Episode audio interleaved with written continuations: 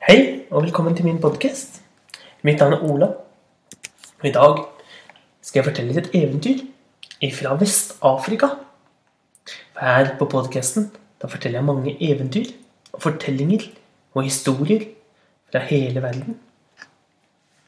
Og eventyret vi skal høre i dag, er eventyret om den smarte apen. Det var en gang en eh, katt som var ute og gikk. Det var en varm dag, og katten begynte å bli veldig sulten.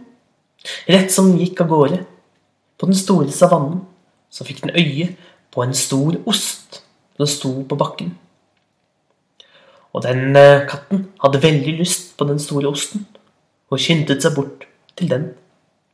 Men rett som den kom bort til osten, så kom det en annen katt. Den også fikk øye på osten.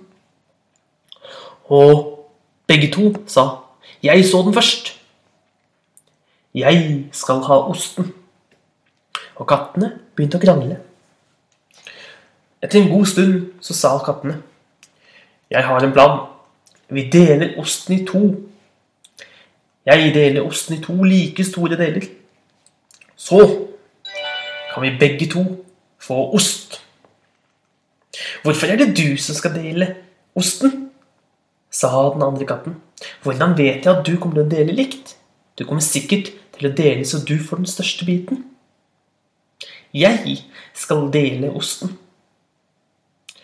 Eh, nei, sa den første katten. Du kommer bare til å lage den største biten til deg selv. Hvordan skal jeg vite at du deler like store biter? Og slik ble de stående og krangle. Og de kranglet stadig høyere og høyere, så en ape som satt i nærheten, hørte kranglingen deres. Og den hoppet ned fra treet sitt og gikk bort til kattene og sa Kjære dere, jeg hørte at dere krangler om hvem som skal dele denne osten for å lage den like stor. Jeg foreslår at jeg deler osten til dere to. Så får dere halvparten hver. På den måten vet dere at hver ostebit er like stor. Det var et godt forslag, syntes kattene. Og apen så nøye på osten. Han vurderte fra den ene siden til den andre. Til slutt så bestemte han seg for hvor midten var, og han rev ostene fra hverandre og satte dem på bakken, én foran hver katt. Så speidet han på dem, og så sa han Nå er de nesten like store. Jeg tror den her er enda litt større enn den andre. Så løftet han den ene osten og begynte å spise av det ene hjørnet på den. Så satte han, han osten ned igjen på bakken, og så så han. Nei, søren, nå spiste jeg altfor mye. Jeg må spise litt mer av den andre osten, for ellers så er de ikke like store. Så satte apen i gang med å spise på den andre osten. Og så så han på ostene og vurderte lenge. Og kattene slikket seg rundt munnen, for de gledet seg sånn til osten. Da sa apen, nei, nå spiste jeg for mye igjen. Jeg må spise litt mer av den første osten. Og han spiste litt mer av den første osten. Så sa han, nå tror jeg de er helt like store. Og kattene gjorde seg klare til å spise. Men da sa apen, nei, nå har jeg gjort en feil. Jeg ser det nå. Den osten her er større enn den andre. Så satte han i gang med å spise litt på den andre osten igjen. Slik fortsatte han å spise på den ene osten og så den andre. Og ostene ble stadig mindre og mindre og mindre.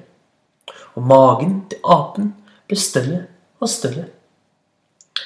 Etter en god stund så lå det bare to bitte bitte, små ostebiter igjen.